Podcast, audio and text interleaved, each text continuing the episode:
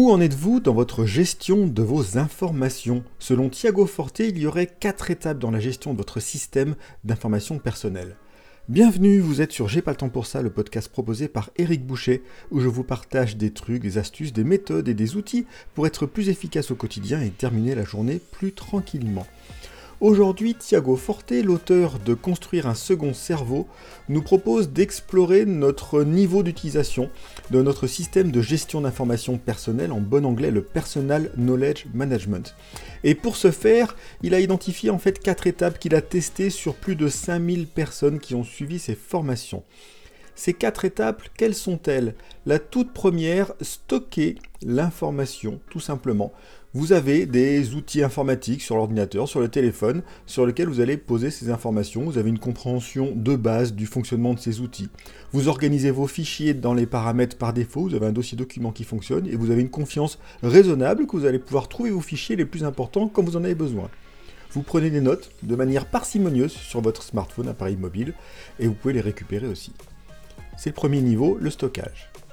Deuxième niveau, ce qu'il appelle gestion des connaissances. Non seulement vous capturez des informations factuelles, mais aussi des idées, des inspirations créatives, des citations, des leçons que vous avez apprises. Vous avez une maîtrise de la manière et l'endroit où sauvegarder les fichiers qui vous donne la confiance d'investir du temps et des efforts réels pour noter ce que vous savez. La prise de notes numérique fait partie importante de votre vie quotidienne et vous aimez capturer des informations. Vos notes commencent à fonctionner comme un partenaire de pensée en vous rappelant des choses que vous aviez complètement oubliées ou en mettant en lumière des connexions inattendues. Et à ce niveau-là, la maintenance de votre système libère du temps et d'énergie, plus de temps et d'énergie qu'elle n'en demande. Donc ça, c'est l'étape 2, gestion des connaissances. Niveau 3, selon Thiago Forte, favoriser l'action vous avez commencé à déplacer votre attention, je cite, du monde des idées vers le monde de l'action. Vous ne vous contentez pas de générer des idées, mais vous voulez voir ces idées se concrétiser dans le monde réel. Vous devenez plus sélectif quant aux informations que vous consommez, préférant seulement les sources de la plus haute qualité et les plus substantielles qui sont directement liées aux objectifs que vous poursuivez.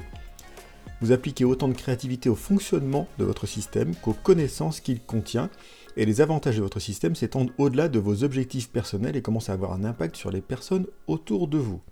Quatrième niveau, la maîtrise des connaissances personnelles. Comme le dit Thiago Forte, ce niveau n'a jamais de fin, un horizon infini de possibilités, c'est très joli, s'étendant dans n'importe quelle direction que vous souhaitez prendre.